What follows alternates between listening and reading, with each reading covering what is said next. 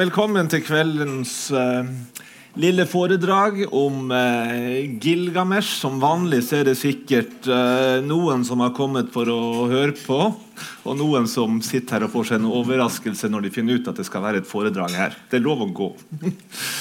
Hvis dere ikke vil høre. Dette her er jo da en del av en serie som har pågått en del semester nå, som har fått den tittelen som jeg jo sjøl syns er ganske smigrende, 'Dannelsesreisen med Gisle Selnes'. Og den bruker jeg så ofte jeg bare kan. Illustrasjon til dette seminelle vårens eh, to foredrag er ikke henta fra Gilgamesh. Det er en samleannonsering både på biblioteket sine hjemmesider og på Facebook.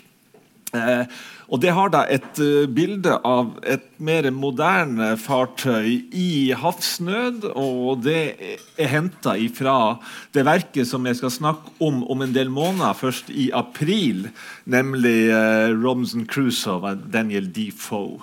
Det skal jeg ta for meg et godt stykke ut i april, og det kommer jeg til å plassere i en ramme av storm, forlis, skipbruddsfortellinger, som jo på mange måter er en egen sjanger og et eget motiv i verdenslitteraturen som jeg har interessert meg for i et par tiår allerede. Eh, det jeg skal ta opp eh, i dag, nemlig Gilgamesh, føyer seg for så vidt inn i denne rekken av historier om storm, forlis, skipbrudd, oversvømmelse. Og det gjør egentlig et godt stykke på vei flere av de verkene som jeg har snakka om tidligere her, og som kanskje noen har hørt på en del av. Det har vært snakk om gammelt gresk homerisk epos, Odysseen, som jo er en fortelling om havseilas og forlis og lange omveier eh, i både mytiske og mer kjente farvann. Jeg snakka om Eneiden, som jo også er en skipsseilas fra det brennende Troja og til Italia, der Eneas grunnlegger det romerske imperiet. Til og med Dante sin guddommelige komedie gjør ganske ofte bruk av skipsfiguren. Eh, dikterskuta til Dante i middelaldereposet par excellence, Den guddommelige komedie, er et bilde som går igjen. Dante vandra ikke bare gjennom underverden, inferno, purgatoriet eller skjærsilden og planethimmelen og den guddommelige himmelen. Han seila også i en dikterskute som må legge ut på stadig nye farvann, og som han da undersøker eh, på poetisk vis hele vårt kosmos eh, ved, ved, hjelp av. Eh, Gilgamesh eh, ble kjent først og fremst fordi at den inneholder helt til slutt en lang sekvens som gir en beskrivelse av den store syndfloden. Av en flom som oversvømma hele det som for datidens babylonske eller sumeriske sivilisasjon var den kjente verden.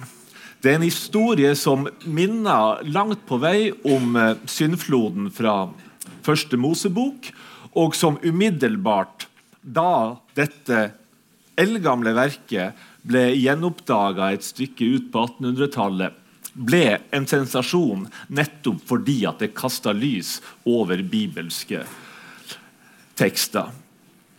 Med Gilgamesh så drar vi så langt tilbake i litteraturhistorien, i verdenslitteraturhistorien, som det omtrent er mulig å komme.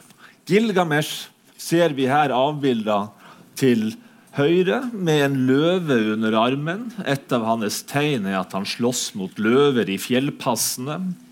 Enten alene eller sammen med sin venn Enkidu. Og til venstre så ser vi den nyeste norske oversettelsen av dette gamle verket.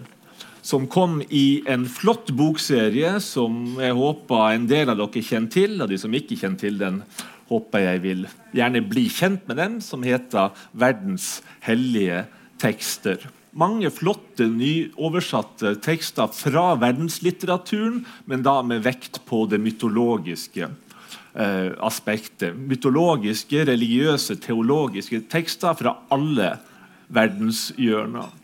Denne relativt nye utgaven er da jobba fram av en religionshistoriker i Oslo, Jens Brårvik, som er ekspert på gamle religioner og kan mange arkaiske språk. Og Tor Åge Bringsværd, den kjente og myteinteresserte norske forfatteren. Vi befinner oss da som sagt så langt tilbake i historien som vi kan komme litterært, kulturelt og skriftlig eh, sett.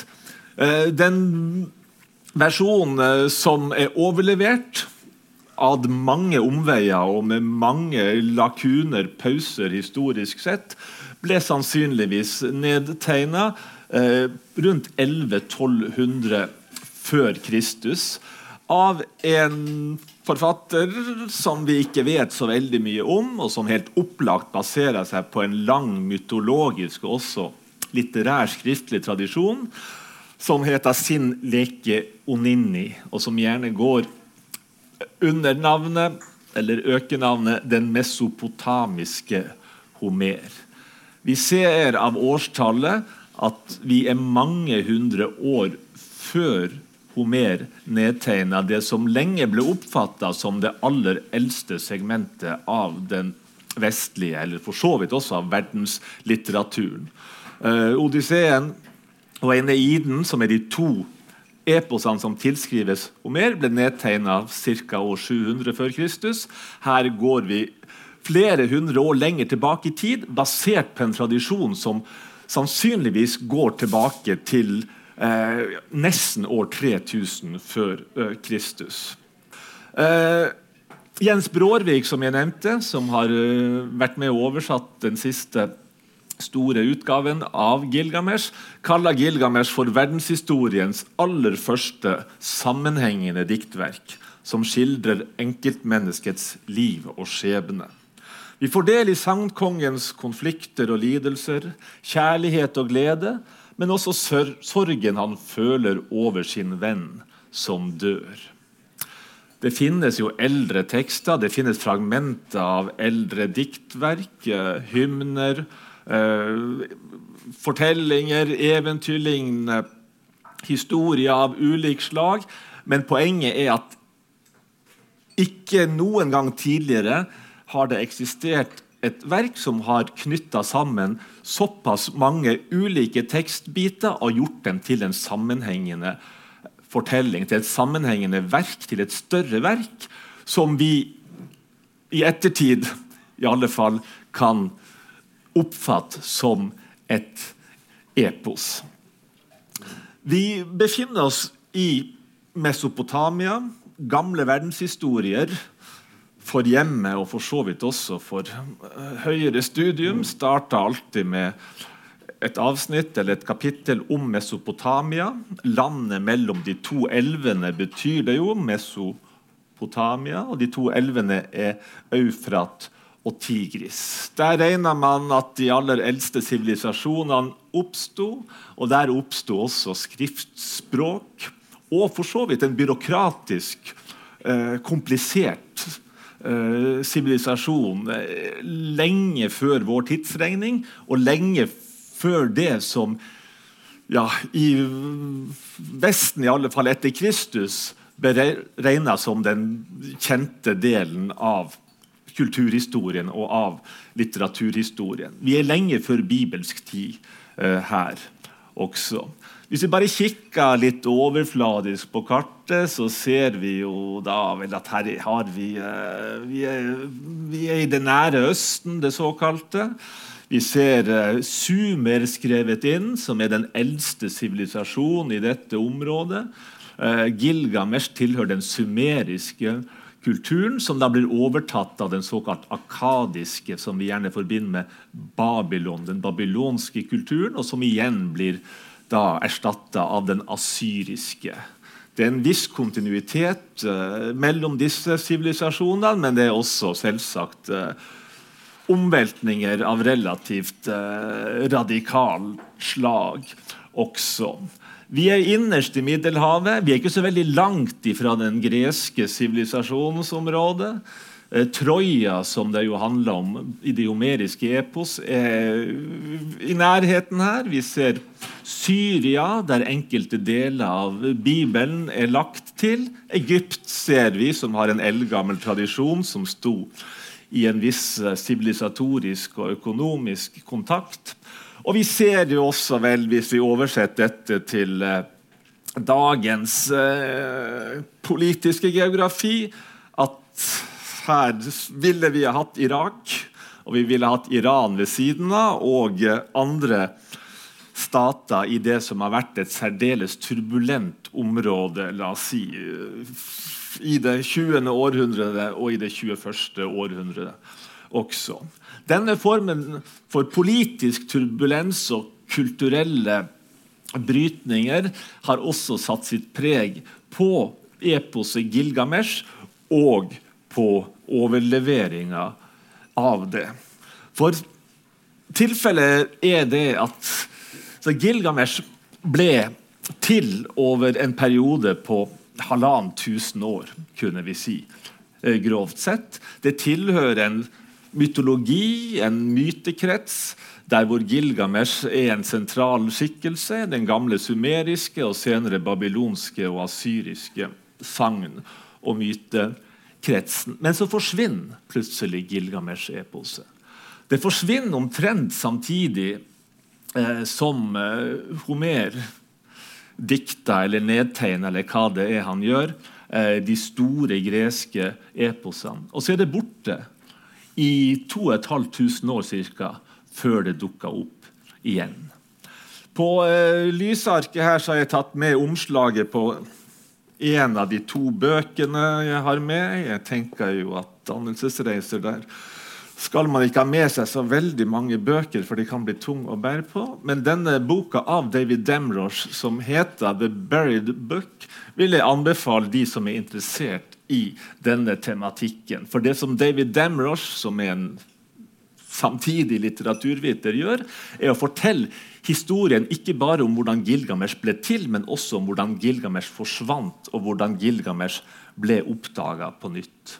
Og Det er en historie som er nesten like spennende, eh, til tider i alle fall, som den historien som utspiller seg i Gilgamesh-eposet, og som omfatter mange ulike skjæringspunkt og eh, overgangsfaser, turbulente perioder i verdenshistorien.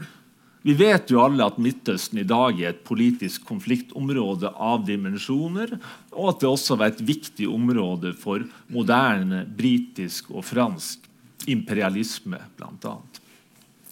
Og etter å ha vært forsvunnet i mange århundrer, 2500 år, så dukka plutselig eh, tavler ifra dette glemte eposet på et utdødd språk som ingen kunne, opp igjen nettopp i forbindelse med britiske og franske intervensjoner og eh, politiske, økonomiske interesser i dette området. Den historien rulles opp da, som sagt, i David Remrosh sin bok 'The Buried Book'. The Loss and rediscovery of the great epic of Gilgamesh, heter den. En viktig figur i denne delen av historien, eller det vi kunne kalle for resepsjonen av Gilgamesh, er George Smith. Som var en relativt uh, beskjeden mann, eller en mann av relativt beskjedne kår, som jobba på British Museum i London, og som fikk overlevert et lass med ganske maltrakterte leirtavler som en brite og en iraker hadde funnet ved Ninive, den gamle asyriske hovedstaden, under utgravinger de hadde gjort der. Uh, han var autodidakt langt på vei, denne George Smith, men han satte seg ned så godt som han kunne og studerte disse leirtavlene med kileskrift og prøvde å finne ut hva slags språk de var skrevet på, og hvordan det skulle gå an å tyde det i det som for han da selvsagt var moderne tid. Og Det som han finner ut av det som jo er det store eh, sensasjonelle ved dette, er som jeg antyda innledningsvis, at her fortelles bl.a. en historie om den store verdensflommen. Om hvordan gudene bestemmer seg for å utrydde menneskene og peker ut én person som skal ta med seg sin familie, bygge om huset sitt til en ark, ta med seg dyr og noen tjenere, og på den måten overleve den store straffen.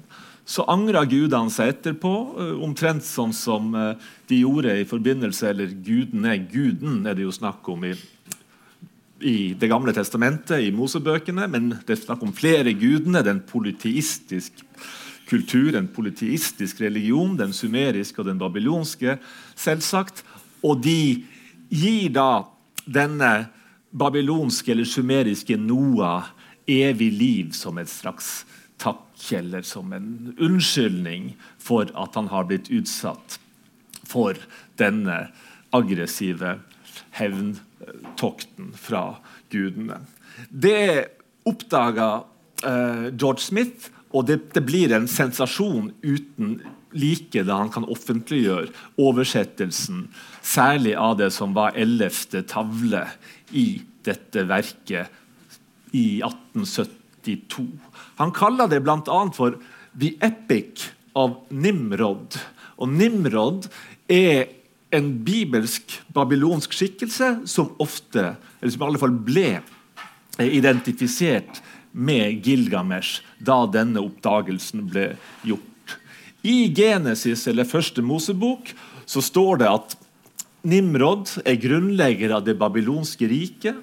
En veldig jeger for Herren, står det i første Mosebok, tiende kapittel. Og han skal da angivelig være originalen. Eller Gilgamesh skal være originalen til denne Nimrod.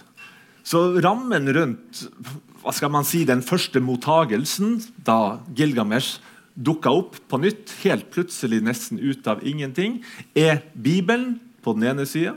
Man ser mange paralleller til Bibelen, særlig til eh, syndfloden og historien om Noah, men ikke bare det.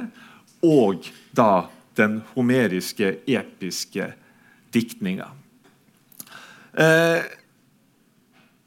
i større grad sannsynligvis enn det som uh, ville vært tilfellet i noen annen tidsepoke, så er dette en nyhet som går verden over. Det skaper førstesideoppslag, bl.a. i New York Times. Det skrives om det i aviser verden over.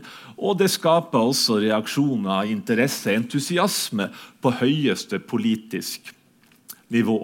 Den britiske statsministeren William Gladstone er å høre på foredraget til George Smith når oversettelsen blir presentert, og holder en spontan eh, liten tale hvor han snakker om sin egen begeistring for de homeriske epos. Og nå har man da virkelig fått noe som kan belyse bakgrunnen også for denne typen eh, diktning, for denne tradisjonen, som jo selvsagt sto så sterkt innenfor det utdanna segmentet i den britiske middel- og overklassen. I New York Times og mange andre steder så er det da i større grad interessen for det bibelske som eh, skaper entusiasmen. og Der står det på førstesida til og med New York Times 22.12.1872 at this discovery is evidently destined to excite a lively controversy. For the present, the Orthodox people are in great delight and are very much prepossessed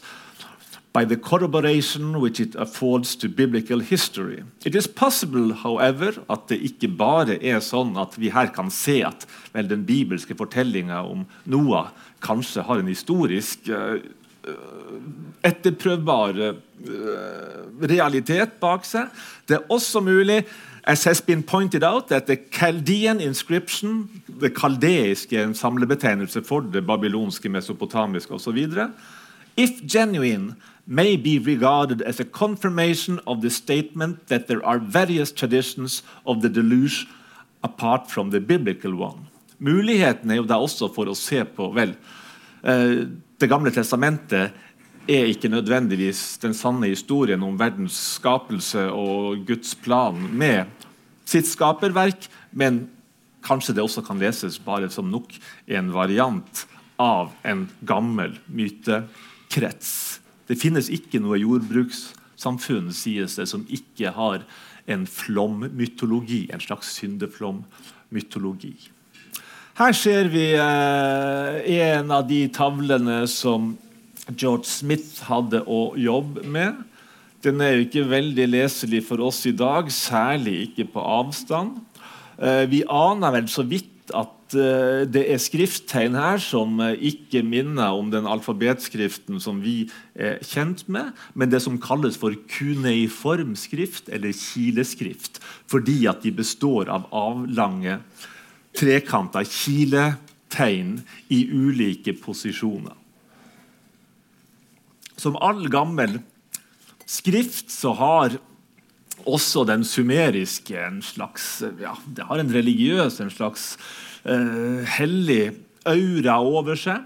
Skriften er jo en form for teknologi, en oppfinnelse som har eh, oppstått på ulike stadier i forskjellige kulturkretser i verden. Men det er jo alltid et eller annet litt mystisk over helt nye teknologier. Altså, telefon er jo da den er helt ny, så kan jo den skremme vannet av de aller fleste. Skrift også, fortelles det i mange ulike tradisjoner, skaper også en form for ærefrykt. og eh, ja, nærmest en sånn uhyggestemning over det magiske i at man kan formidle tanker og tale ved hjelp av noe som er helt taust og tilsynelatende eh, dødt. Så det er, det er, noe hellig over Skriften i seg sjøl, og den brukes jo også i stor grad til religiøse formål og til spådomskunst. det som eh, George Smith finner ut bl.a. når han har studert disse eh, også, også, det at de vel grunnleggende sett minner de litt om eh, egyptiske hieroglyfer som hadde blitt knekt av franskmann Champollion ca. ti år før George Smith. Eh, opprinnelig har de nok vært avbildning av eh, figurer som de refererte til. Og så har de med tid og stunder blitt eh, også eh, brukt til å betegne stavelser. Så kileskrifta er en stavelsesskrift, og det er det som er den eh, løsninga som George Smith etter hvert kommer fram til. Så det er en stavelsesskrift Eh, dette. Vi har eh, leiretavler, men de er selvsagt da ikke overlevert i hele stykker. Man deler Gilgamesh inn i tavler. Den består av ti eller elleve tavler. Tavle 11, som er beskrivelsen av den store flommen, er muligens ikke opprinnelig en del av selve Gilgamesh-eposet, men den har fra veldig tidlig har blitt plassert til slutt der. Det går an å ha den der, og det går an å ha eh, fortellinga om syndfloden eh, innafor den strukturen som Gilgamesh-eposet eh, utgjør. Men vi ser her at det, det er ikke bare koden som skal knekkes. Man skal ikke bare finne ut eh, hvordan man skal lese disse mystiske kiletegnene. Man skal også sette sammen alle disse små bitene til det puslespillet som da leirtavlen har blitt etter hvert fordi at de er gravd ut fra et ødelagt bibliotek. Et asyrisk bibliotek som ble eh, erobra og vandalisert på 600-tallet før Kristus. Dette er et bilde som George Smith bruker i en av sine bøker for å vise hva slags puslespill det egentlig er snakk om. Og det som George Smith gjør da, vel, han, han vet at han mangler en del verslinjer fra den mest sensasjonelle tavla, tavle 11, om den store flommen. Og så drar han tilbake. Han har ikke vært der, han drar for første gang for å finne akkurat den lille biten som skal passe inn i den tavle 11. Han skal jo gjøre andre ting også, men det er på en måte det som er det aller viktigste. Og Så drar han ned, og så graver han i det samme biblioteket som uh, disse tavlene han tidligere har fått, har blitt gravd ut ifra. Og en av de aller første dagene så finner han faktisk den lille biten som mangler. Han drar tilbake enda en gang, og det er siste gangen han drar, for da dør han av dysenteri i Aleppo i dagens Syria, sammen med en skandinav som også dør. Så det er på samme ekspedisjon. Så det er slett ikke ufarlig, dette. Alle har hørt om biblioteket i Alexandria. Et av historiens mest kjente bibliotek, grunnlagt av Alexander den store, den helenistiske hærføreren, imperatoren, keiseren over det første virkelig store imperiet i verden, der hvor man samla og systematisera den klassiske, eller også førklassiske, greske litteraturen.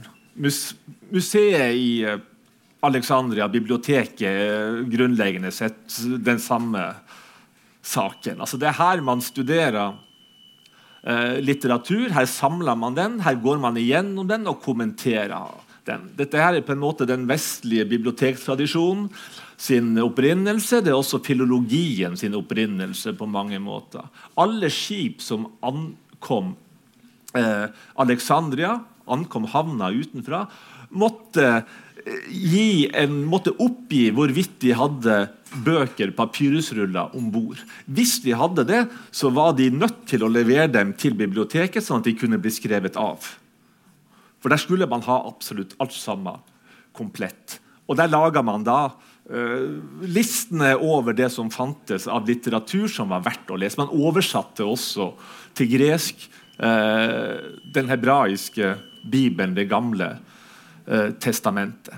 Så dette er noe som har inngått i vår kulturkrets. Dette er noe vi kjenner fra ulike eh, sammenhenger og som dukker opp eh, både den ene og den andre plassen. Men det er ikke fullt så mange som har hørt om Ashurbanipals bibliotek i Ninive.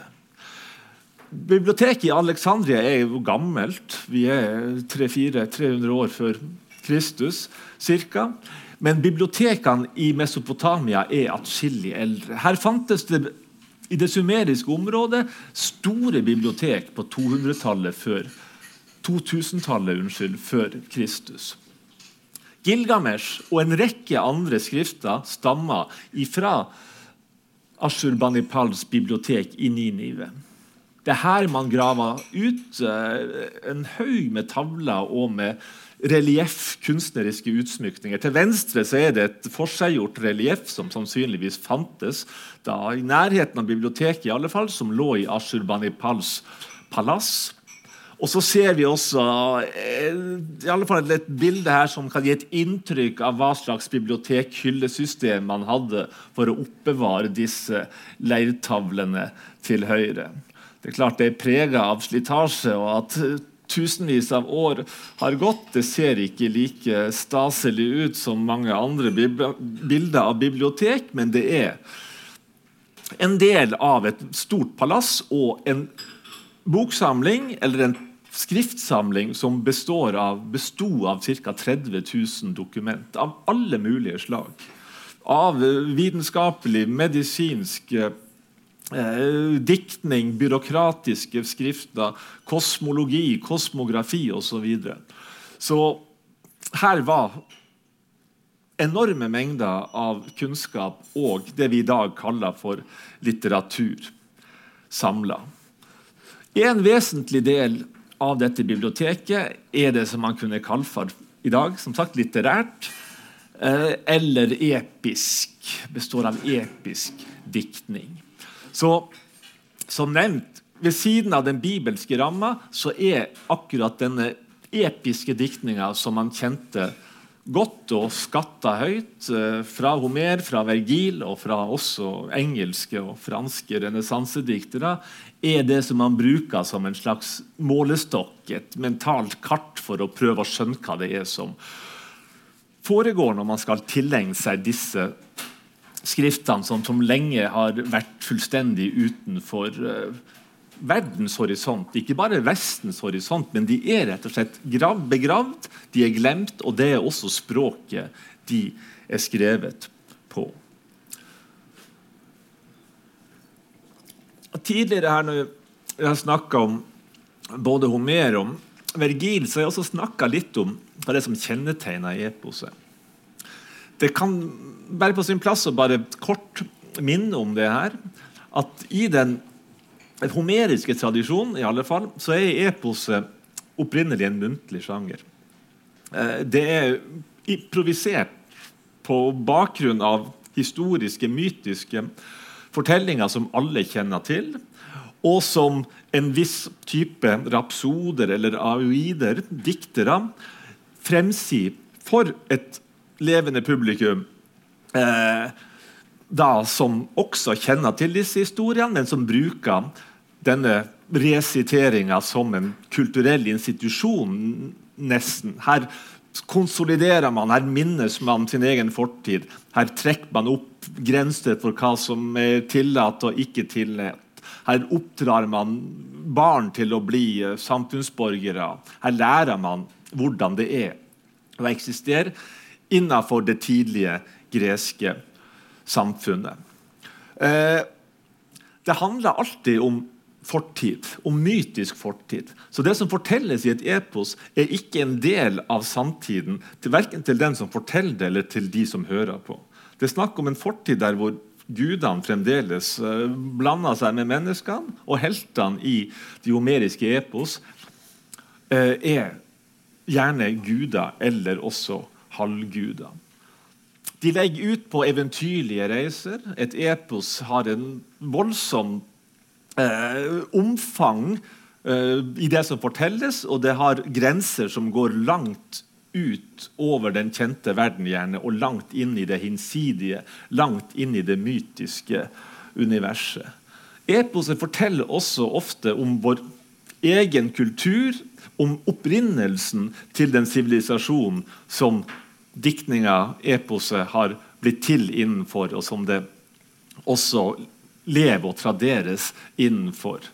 Eh, hos Homer så handla det om eh, Troja-krigen, som er den første virkelig store felles greske militære aksjon, som nesten er en slags sammenveving av de ulike småkongedømmene til større politisk, eh, en større politisk struktur. Vergil, den store romerske eposdikteren, bruker eh, denne tematikken og disse strukturene til å lage et epos som handler om grunnleggelsen av Roma, men som også i stor grad handler om keiser Augustus, som var mesen og var den store herskeren på Vergil sin tid. I tillegg til alt dette så har uh, eposet en form for eh, encyklopedisk uh, undertone, nærmest. For det forteller ikke bare en historie, men det forteller også ting som man trenger å vite ting som vi før slo opp i leksikon for å finne ut, og som man i dag gjerne googler på Internett for å finne ut. Den typen opplysninger om hvordan man tar imot en gjest, hvordan man utruster et skip osv., fortellinger om hvordan visse ting oppsto, eh, hvordan verden ser ut osv. Disse opplysningene er gjerne tatt med i eposet også fordi at vel, har man bare den muntlige litteraturen diktninga støtt seg til, så må man gjerne ta med alt der. Og når de fremsies for fellesskapet, så er det veldig greit at man får med disse opplysningene også, som er en del av paideieren eller oppdragelsen. Her ser vi en liten uh, illustrasjon fra, fra Odysseen. Uh, der hvor det sitter en blind sanger Demodokos og synger sin fortelling, sitt epos, for fajakene, kongen blant fajakene, som har fått Odyssevs som gjest på besøk. Litt lenger borte, bare et utsnitt etter, så sitter også Odyssevs og hører på og gråter fordi at det som Demodokos synger om, er om Trojakrigen, som Odyssevs jo har vært, vært med på. Så her har vi i Homer sitt epos 'Odysseen' en sekvens, en av flere sekvenser, hvor vi kan se, hvor vi kan lese om i dag hvordan eposet opprinnelig ble fremført. Det finnes flere andre også. hvordan det blir improvisert, også hvordan Demodokos, når han ser at Odyssev, som er gjesten blant tilhørerne, tar til tårene når han hører akkurat denne sekvensen, skifter om og begynner å synge om noe annet. Så den muntlige dikteren må også improvisere. Og han må da selvsagt ha en egen teknikk for å kunne fortelle, kunne dikte nærmest eh, der og da. Lange fortellinger så han har ulike formler, ulike mekanismer, en form for eposgrammatikk nærmest internalisert. I tillegg til sin kunnskap om det greske språket, som han selvsagt må ha, så har han en slags ekstra grammatikk om hvordan man lager heksametervers. Hvordan man lager den minste bestanddelen som, som eh, eposet består av. Og kan på en måte bygge dem opp på hverandre. Det ene heksameterverset etter det andre. Det som er spesielt med Gilgamesh, eh, er at det er tidligere enn de homeriske epos. Mye tidligere, men likevel så er det skriftlig. Man hadde som sagt en utbredt skriftkultur. Og mens det finnes mange sekvenser hos Homer hvor det beskrives hvordan en sanger fremsier et epos for et publikum, så finnes det flere steder i Gilgamesh hvor det blir beskrevet hvordan det blir lest opp fra leirtavler, som selvsagt da minner om de leirtavlene som Gilgamesh ble skrevet ned på. Les litt her eh, fra begynnelsen av Gilgamesh, som da paradoksalt nok kunne vi si, er et arkaisk, altså et førklassisk, et førantikt nærmest, men også skriftlig epos. Det starta sånn. Jeg vil fortelle land og folk om ham som så den dypeste urgrunn altså Gilgamesh. Han som ville forstå kløktig og vis. Han utforsket grensene for alle ting, søkte etter den fulle sannhet. Han så alle hemmeligheter og viste frem det skjulte. Brakte vitnesbyrd fra tiden før den store floden. Han kom reisende den lange veien. Trett var han, men fant fred. Og hugget sine bedrifter inn på steintavler. Så Gilgamesh er ikke bare den som har reist ut og sett mange ting og vært der hvor ingen andre dødelige har vært. Han er også den som etter å ha reist ut har hogd sin egen erfaring nærmest inn i stein. Og et par eh, strofer senere så står det i første tavle også en henvendelse til leseren eller tilhørende til oss Undersøk, står det, sedertrekisten med tavler. Se dens bronselås. Løft lokket som vokter dens hemmeligheter. Ta ut tavlene av lapus, lapis lasuli og les om Gilgameshs vandringer, alle hans strider. Så Gilgamesh har skrevet ned dette, får vi vite. Det er en slags signatur av den babylonske Homer, nærmest. Og vi blir oppfordra til å ikke høre eller ikke lese på en måte det som er på boksida i den siste norske oversettelsen, men å åpne lokket med disse tavlene. Sedertrekisten med bronselås og hente dem ut. Altså, det er noe rituelt over dette. Som om vi skal inn i det aller helligste og lese da om den dypeste urgrunn. I syvende tavle så beskrives også en drøm der hvor Gilgameshs venn Enkidu drømmer at han drar ned til dødsriket. Snart skal han dra ned dit på ordentlig. Og i andre deler av den sumeriske babylonske diktninga så utbroderes denne reisen ned til det hinsidige. Eh, mye mer enn det som er tilfellet i Gilgamesh. Men der kommer han til gudinnen Eresh Gikal og Ereshkikan, som er gudinnen i underverdenen, har sin egen skriver, sin egen sekretær, Beletseri. Foran henne står det satt Beletseri, underverdenens skriver. Han holdt en leirtavle og leste høyt for henne.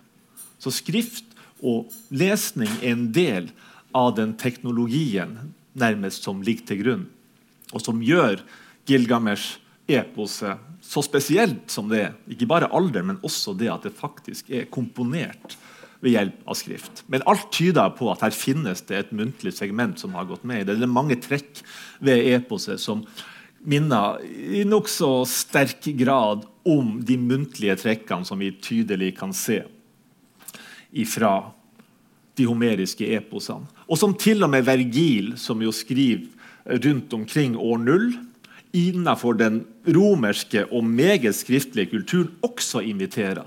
Når Vergil skriver et epos, så imiterer han Homer. Eh, de homeriske eposene har mange muntlige trekk som vi kan se tydelig når vi vet at de er der. i alle fall, Og som er der fordi det var sånn eposet til Homer ble komponert. Men Vergil bruker disse muntlige trekkene som et skriftlig virkemiddel fordi det er sånn eposene skal se ut. Det kan være noe lignende som er på ferde i Gilgamesh. At det fantes en mye tidligere muntlig versjon, men som da eh, har blitt skrevet ned og komponert og omstrukturert, men som likevel bevarer disse muntlige trekkene. Og muntlige trekk er jo selvsagt eh, særlig gjentagelser. Ting fortelles ikke én gang, de gjentas mange mange ganger. Det er jo lettere å fortelle hvis man kan gjenta seg sjøl. En liten variasjon, gjerne. Og I Gilgamesh er det svært mange episoder som fortelles om igjen og om igjen, omtrent identisk. Og så slutter det av og til med en liten variasjon. Sånn er det jo i eventyrene også, som er muntlige sjangre. Ting gjentas i norsk sammenheng, skandinavisk sammenheng tre ganger. Og den tredje gangen skjer det en liten endring. Det er også en måte å strukturere på, skape en fortellende struktur. Skape en viss spenning også. For siste gang så forløses gjerne det som kan virker som om det ja, står i fare for bare å gjenta den samme tingen flere ganger, så blir det en vri den siste gangen. Men vi ser her vi har også den mytiske fortida uh, i Gilgamesh, som jo er et episk sjangertrekk. Det finnes helter og guder. Eventyrlige reiser, definitivt.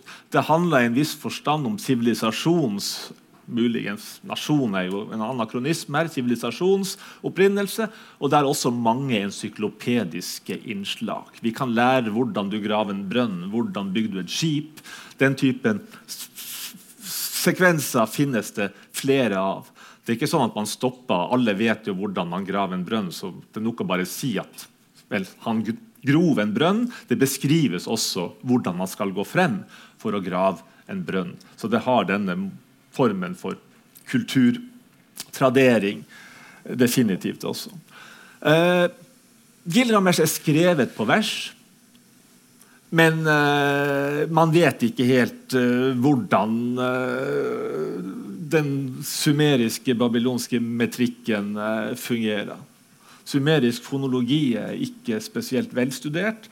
Og jeg har med et lite sitat her fra noe som kjenner godt til dette, for bare å vise at de som virkelig har peiling, også sier det at man har ikke knekt koden for hvordan Gilgamesh faktisk er komponert. Og Av og til så oversettes det jo på prosa også.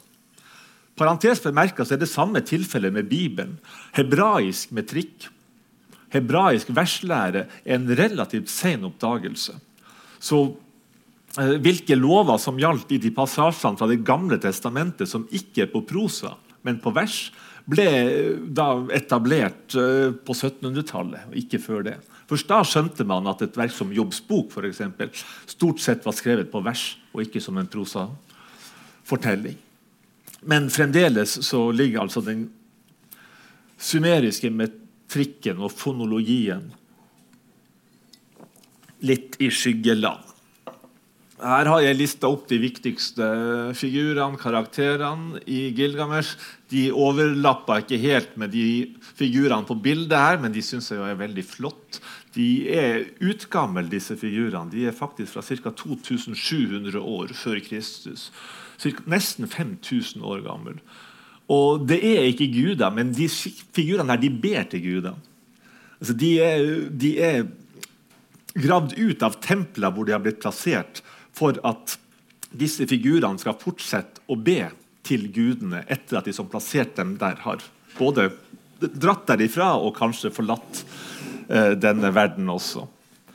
Eh, de viktigste eh, personene eller karakterene i Gilgamesh er Gilgamesh sjøl, som ikke bare er halvgud, han er to tredjedels gud.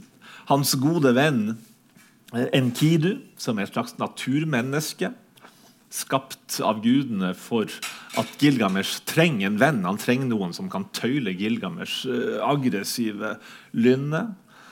Shamat, som er en tempelprostituert, eller tempelhore, som hun kalles i oversettelsen. Nimsun, som er Gilgameshs mor. Shamash, som er solgud. Humbaba, som er et monster i sedertreskogen, som blir drept av Gilgamesh og Enkidu på deres første bragd sammen. Ishtar, som er gudinne for elskov, og som det finnes templer av mange steder i Babylonia. Siduri, som er en slags en ølbryggerske, det som gjerne kalles for en alewife på engelsk. En sånn mytologisk skikkelse ved verdens ende, som Gilgamesh etter hvert kommer til. Urshanabi, som er han som fører skipet som går over dødens hav til verdens ende der Gilgamesh til slutt treffer Utnapishti, som er den overlevende etter syndfloden, som har fått evig liv, og som også går under navnet Atrahasi. Og så er det en lill som Det finnes mange guder her. Det er et stort uh, guddommelig apparat. En lill uh, gud for rommet, stormer og ødeleggelse. Og den som har satt i gang syndfloden.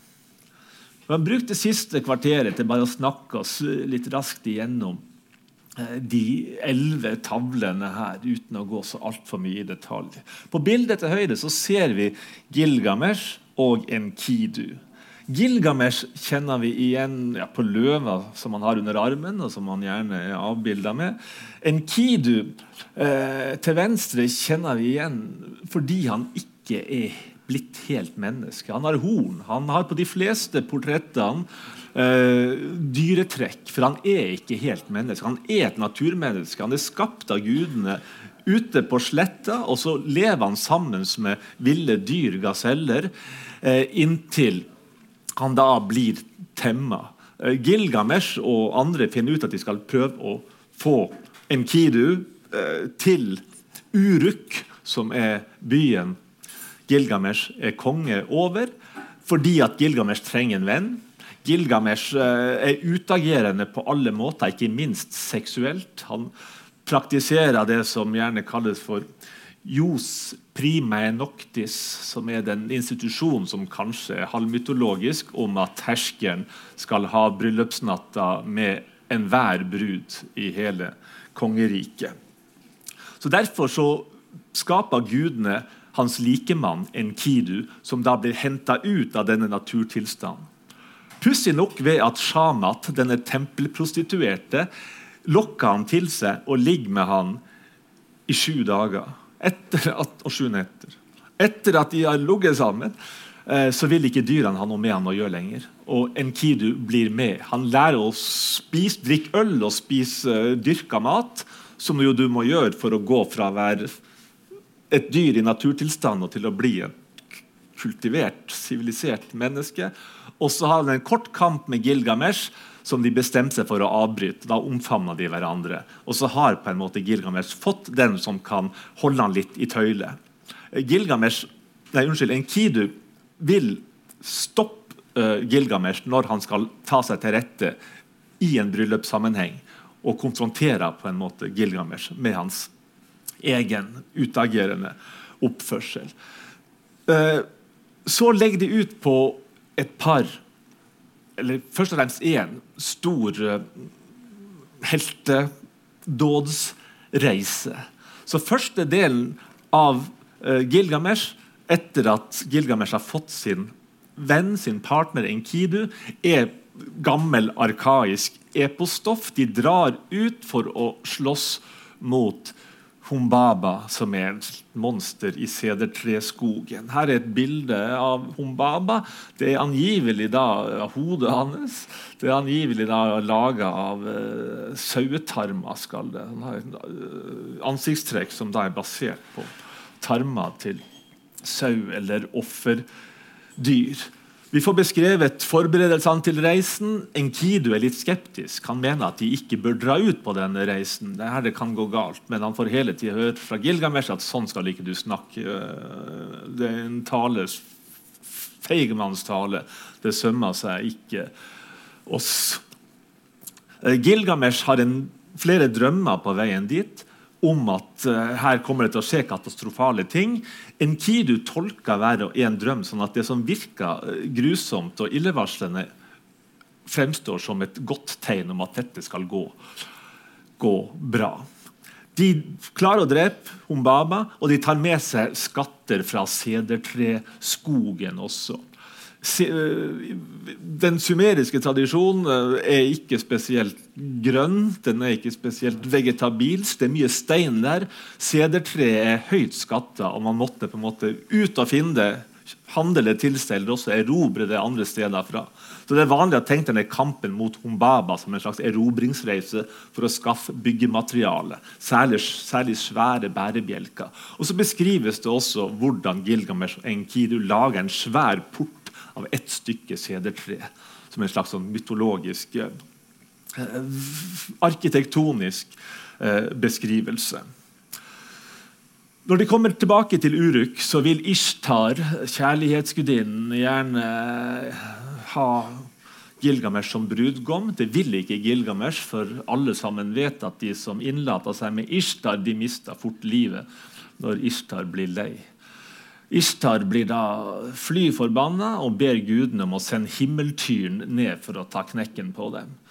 Eh, det klarer ikke himmeltyren, selv om den spruter ild og torden og er svær og diger og skal ødelegge hele Uruk. Så klarer Gilgamesh og Enkidu i fellesskap å overvinne den. Men da er det hevn kommer. Gudene bestemmer seg for at en av de to heltene, Gilgamesh og Enkidu, må dø.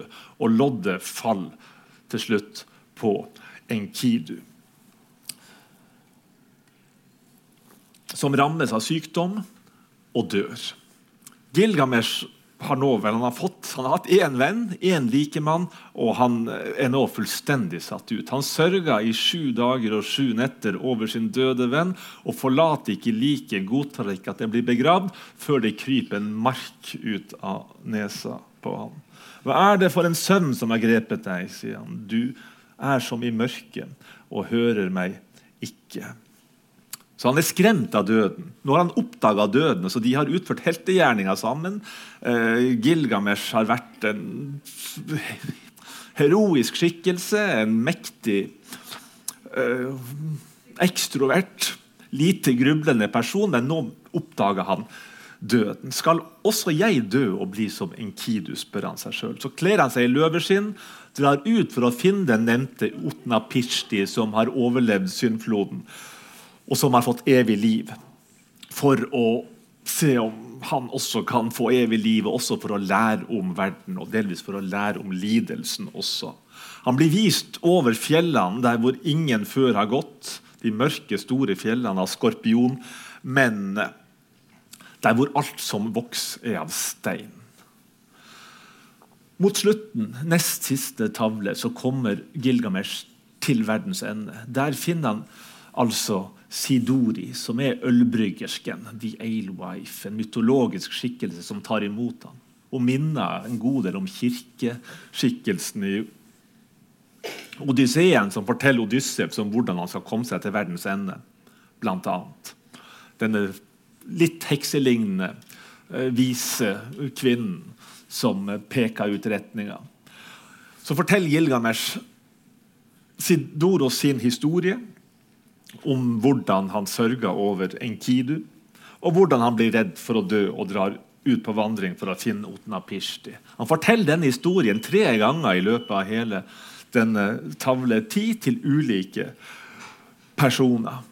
Det er da eh, Sidori som forteller Gilgamesh hvordan han skal komme seg over til andre sida av verden, der hvor Utnapishti er, over dødens vann.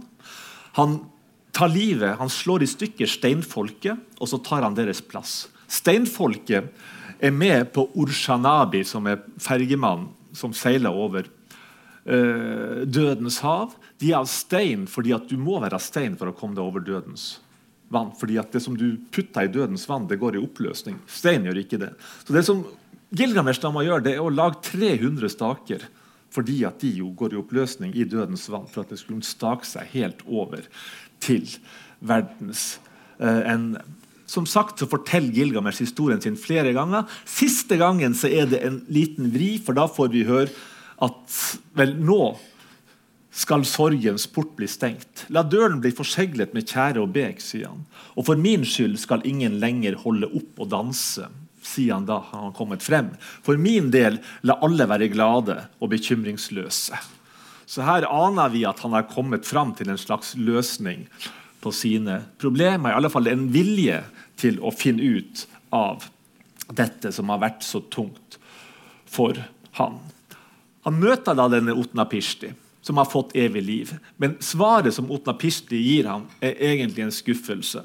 For Utnapishti har fått evig liv for lenge siden pga. denne bragden og overlevd syndfloden, men gudene kan ikke gi evig liv til Gilgamesh. Det, det gjør de ikke eh, lenger. Og så får vi en beskrivelse av menneskets lodd, som Otnapishni gir. Vel, mennesket er dømt til å dø. Mennesket er som en eh, døgnflue på den strømmende elva som står der under sola, og plutselig er det bare borte. Når elven stiger og bringer med seg flommen, står det mot slutten av tiende sang, flyter døgnfluen på vannet, den skuer solens ansikt, men plutselig er det ingen der lenger.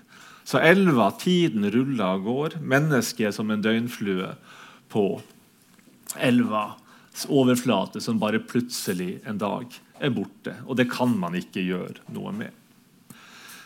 I siste tavle så forteller Otna Pishti historien om syndfloden. Som sagt så minner den i mange vesentlige trekk om Genesis sin fortelling eh, om Noah og den store flommen. Det gjelder både overgripende struktur og detaljer. Etter at den historien er over, så får da Gilgamesh eh, paradoksalt nok en mulighet å skaffe seg eh, evig liv. Det er en liten sånn inkonsistens. Først har vi fått høre at det går ikke an lenger. Altså dette her, det var en engangsforeteelse. Men nå sier Utnapishti til Gilgamesh at hvis du klarer å holde deg våken i sju dager, så vil du likevel kun få evig liv. Vi skjønner jo selvsagt at det ikke går an. Det som skjer er at Gilgamesh setter seg ned og sovner umiddelbart. Og så sover han i seks-sju dager. Og For å vise hvordan tida går, så tar kona til Otna Pishti og baker et brød for hver dag.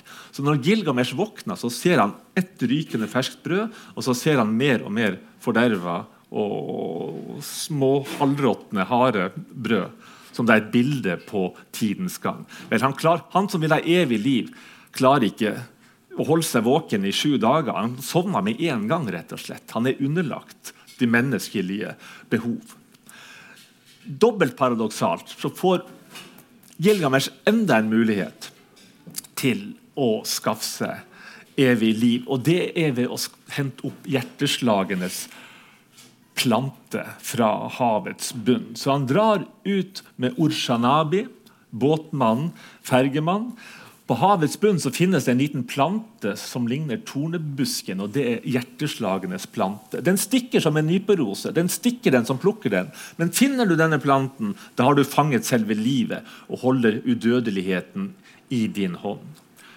Gilgamesh får tak i den. Nok en bragd havets bunn, livets plante, ved verdens ende nærmest. Men det han gjør, er at han bestemte seg for å ta den med hjem. For å prøve den på en av landsbyens eldste. For så og spise den sjøl. Og mens han tar seg et bad etter å ha kommet på land igjen, så stikker en slange av med hjerteslagenes plante. Den spiser den, og så skifter den umiddelbart ham. Så Derfor vet man at slangen er et bilde på den sirkulære tida, på det evige livet. Den forynges, den mister huden, den blir ung igjen.